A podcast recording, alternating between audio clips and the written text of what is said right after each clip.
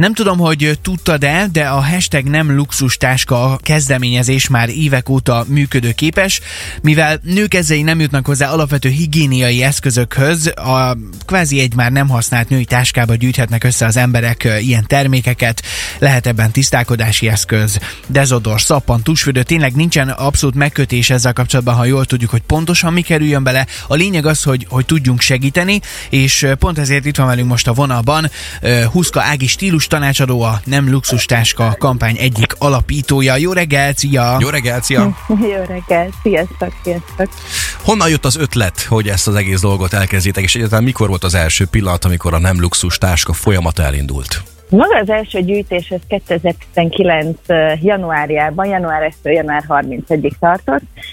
Az ötlet maga Szerta Szandra barátnőmmel, aki szintén vállalkozó, ő otthonszervezési tanácsadó, vele merült föl, ő hívott fel engem még nagyjából így 2018 karácsony előtt, hogy mi lenne, ha jótékonykodnánk, és akkor már ne szálljunk bele semmilyen kampányban, nem találjunk egy sajátot, hogy legyen a fölött kontrollunk, hogy hogyan néz ki, hova kerülnek a táskák, mi a, a jótékonykodásnak tulajdonképpen a célja, és ő olvasott egy ausztrál kampányról, ami szintén egy ilyen táskában gyűjtős, ott viszont csak menstruációs eszközöket gyűjtöttek egy, egy, egy táskába, hogy ebből lett tulajdonképpen a nem luxus táska, mint olyan. Felhívtam egy volt vendégemet, mint Govacs Pálfi Annát, aki a Náltai Szeretett Szolgálatnál dolgozik a mai napig, és ő segített nekünk abban, hogy, hogy a táskáknak a a tartalmát kialakítsuk, illetve hát összekötött minket a, a Máltainak a vezetőségével, akik a mai napig nagyon komoly logisztikai partnereink. Egyébként van arról valamilyen számadatod, ami, ami megmutatja azt, hogy Magyarországon nagyjából hány nő küzd ezzel a, ezzel a problémával, hogy nem jutnak hozzá ilyen alapvető higiéniai eszközökhöz? Nem, nincs. Jelen pillanatban nincsenek ilyen számaink, mert hogy központilag nincsenek ezek komolyan figyelve, nézve, ugye nagyon sokat változott akár a szegénységi küszöb és az utolsó években, úgyhogy nem nagyon van adatunk sem a mély szegénységben élőkről, sem mondjuk a menstruációs szegénységről, mint olyanról itthon. Erre nem nagyon tudunk támaszkodni sajnos, ami hivatalos. Arra tudunk támaszkodni, amit, amit mondjuk a különböző intézményekben országszerte tapasztalnak, és azt tapasztalják, hogy nagy az igény mindenféle segítségre itthon. Egy-egy ilyen csomag tartalmát tekintve mi az, ami beleférhet? Mit kellene gyűjtenünk?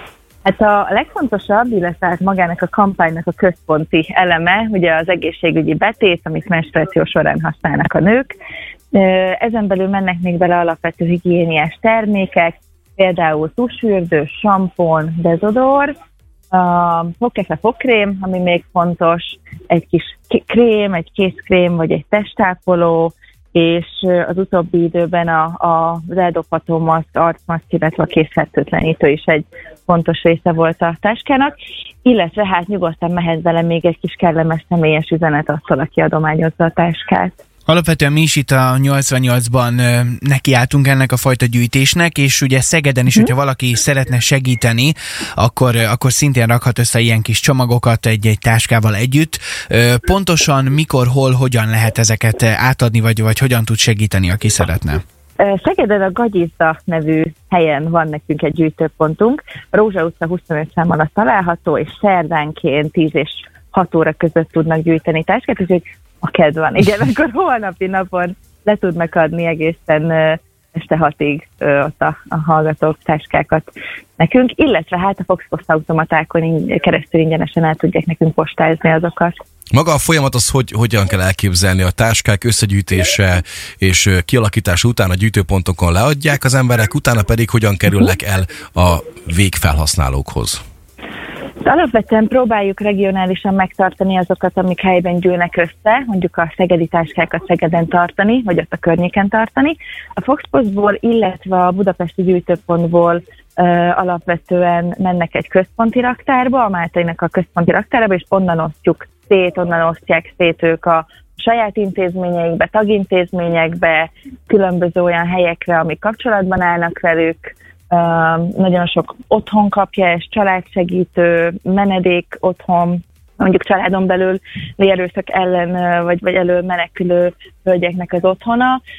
Illetve hát most már egyre többen uh, jönnek hozzánk is, uh, konkrétan a stúdióból elvinni alapítványok saját maguknak most, most, már, most már megkeresnek minket, és ők, ők is kapnak, hogyha ha kérnek, és uh, úgy látjuk, hogy nem politikai kapcsolódás vagy hasonló van a, a dolgok mögött, akkor, akkor nagyon szívesen adunk bárkinek táskát, aki, aki közhasznú dologgal foglalkozik.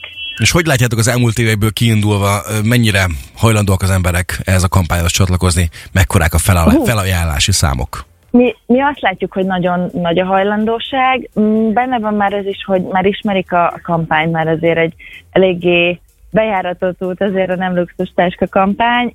Mi, mi azt látjuk, hogy nagyon, nagyon magas az adományozési hajlandóság, nagyon sok táskát kapunk, igazából a végszámokról még nem nagyon van fogalmunk, de az eddigi legtöbb táska, ami bejött, az azt hiszem, hogy 17 ezer darab volt. Azt. Én megkockáztatom, hogy, hogy, hogy azt, azt ebben az évben össze fogjuk tudni gyűjteni.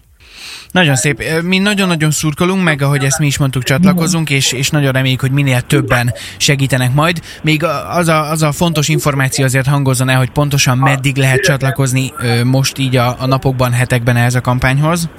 Uh-huh.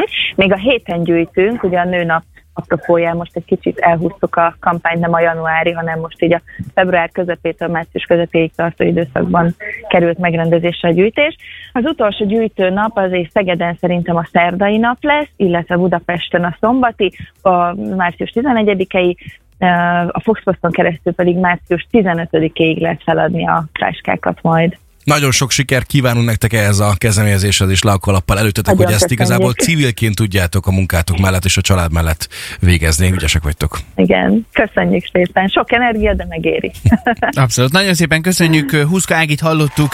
További szép napot és jó munkát neked. Köszönjük szia, szépen. Szia, ciao. Köszönjük, viszont. Mekkora dolog ez. Én, én mindig rácsolálkozok, hogy azért tök jó ez, hogy vannak még, még rendes emberek.